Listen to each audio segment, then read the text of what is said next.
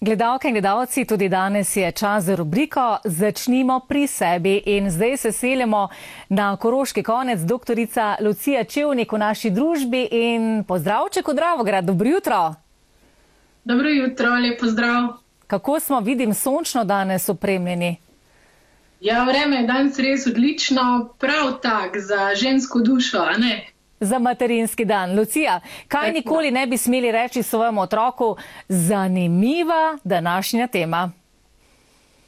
Ja, danes bomo malo ozaveščali svoje besede. To, kar veliko krat izrečemo, pa mogoče to ni najbolj prav, sploh v nekem vzgojnem konceptu.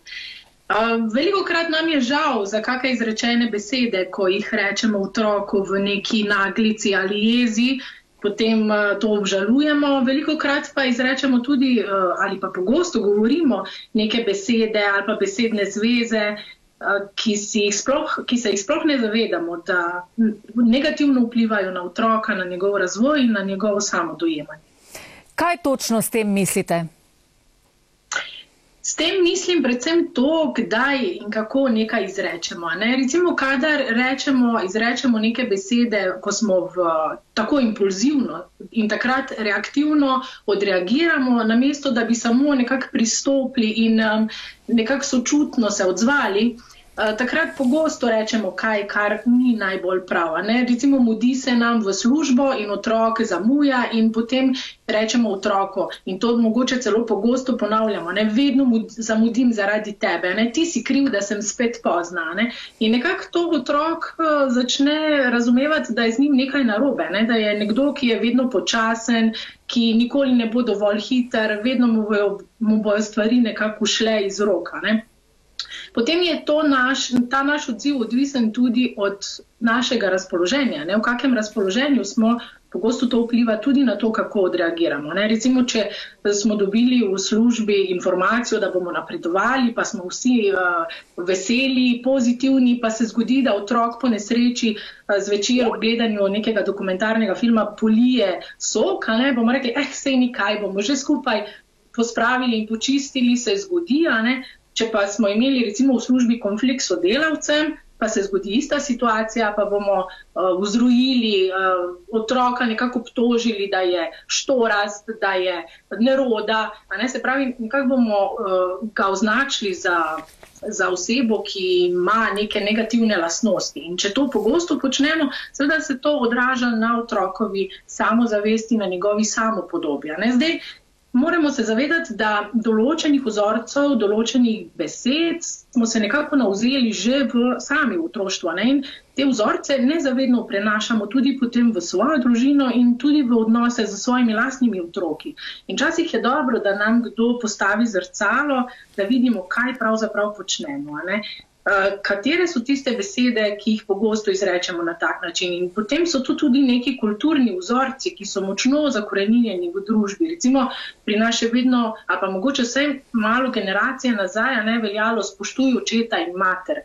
Kar je pomenilo brezpogojno jo ceni in spoštuj, ne glede na to, kaj ta dva počneta ne, v vzgoji, ker vedno je veljalo, um, se pravi, trda roka ne, in nežna beseda, nekako Ampak uh, starši so, uh, veljalo je, to je bil nek normativ, da se otroke pretepalo, da se je z njimi precej grobo ravnalo.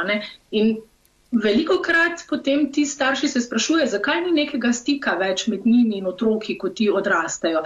Ampak če ne negujemo neke sočutnosti, če ne otroku nekako pojasnimo nekih stvari na nek bolj ljubeč, bolj tak. Um, sočuten način, ne, potem se bojo tudi ti odnosi, se ne bojo, uh, ne bojo trdnja, ne, bojo otroci zelo hitro nekako pobegnili od doma in um, prekinili vezi tudi za starši. Mm -hmm. Zdaj govoriva o tem, kaj eh, ne smemo reči otroko. Ne? Recimo, jaz lahko iz lastnih izkušenj povem, časih, ko se razjezim, pa reče moja mami, nali si vodo v usta, malo razmisli, pa malo utihni in potem povej. Je to veliko krat uh mhm. -huh. kar težko? Ja, res je. Ja, Včasih moramo vendarle malo zadihati, malo premisliti, se malo umakniti, malo uh, ozavestiti svoje čustva, preden da odreagiramo. Ker v tisti naglici res uh, bom rekla, bleknemo, ne, marsikaj, kar nam je potem žal. Čisto so to neke nepremišljene besede. Recimo, če pridem kar k nekim konkretnim primerom, ne, koliko krat rečemo otroku, dej pust me primeru, a ne pet stran.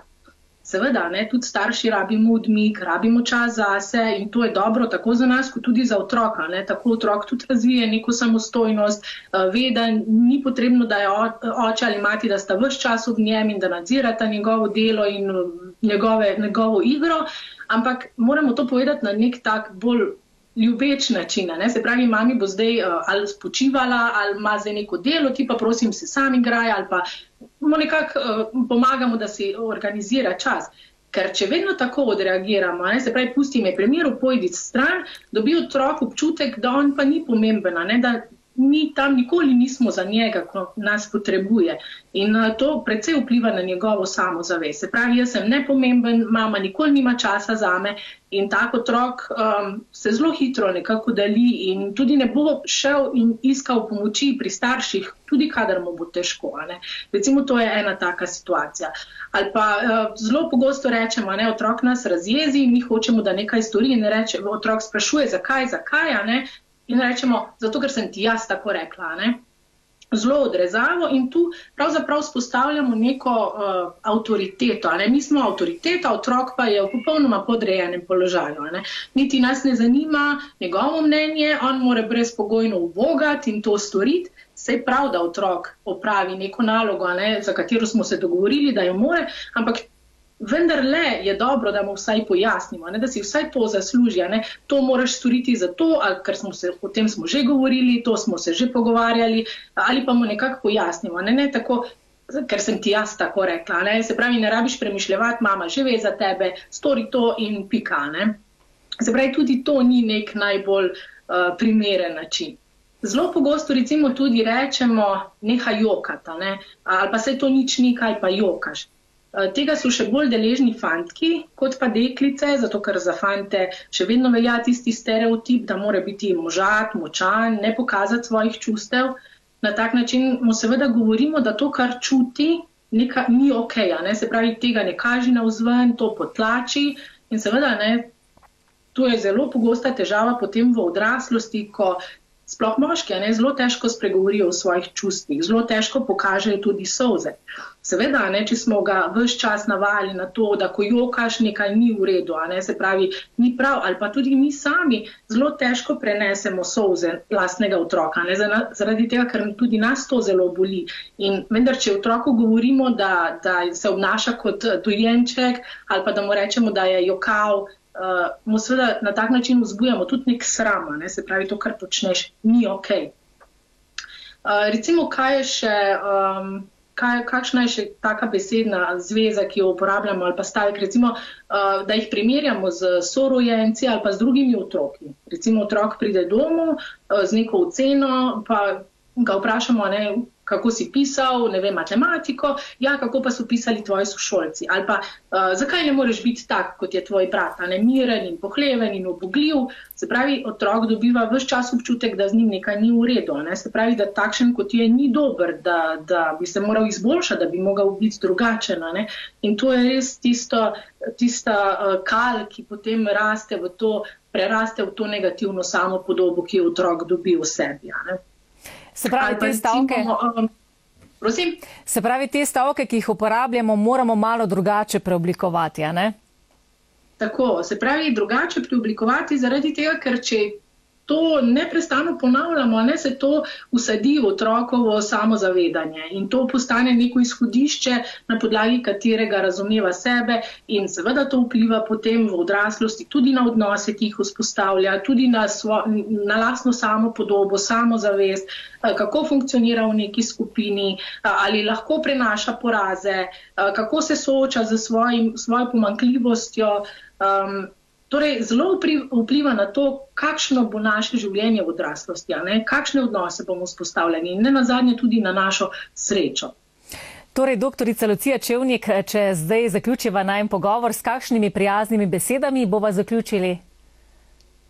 Ja, predvsem se moramo starši zavedati, da ko komuniciramo z otroki, naj bo to na način, da mu ne bomo vzbujali nekega sramu, strahu ali pa krivde.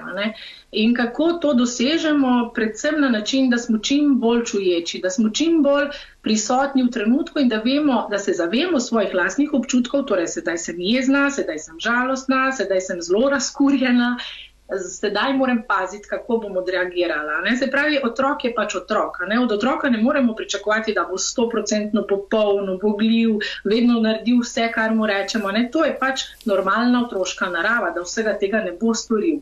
In eh, tudi takrat, kadar izrečemo kritiko, in seveda kritika tudi mora biti konstruktivna in mora biti prisotna, se pravi, da otroka vendarle usmerimo in mu postavimo določene meje, pa moramo odreagirati vedno tako, da se osredotočamo na njegova dejanja, ne pa na njegovo osebnost. Se pravi, uh, poliv si. Uh, drugič pa malo pazi, ne, ko neseš kozarec, da ni preveč poln, ne pa da rečemo, što rasi, se pravi, ti si pa res neroda, ne vedno se ti to zgodi tukaj moramo biti pazljivi. Torej, osredotočamo se na dejanja in poskušamo tista korigirati, ne pa odreagirati na način, da otroka sramotimo, žalimo in govorimo, da ni dovolj dober, dovolj spreten, dovolj sposoben. Bomo to upoštevali. Za danes lepa hvala in lepo zdrav v Dravograd. Hvala tudi vam, lep dan še naprej.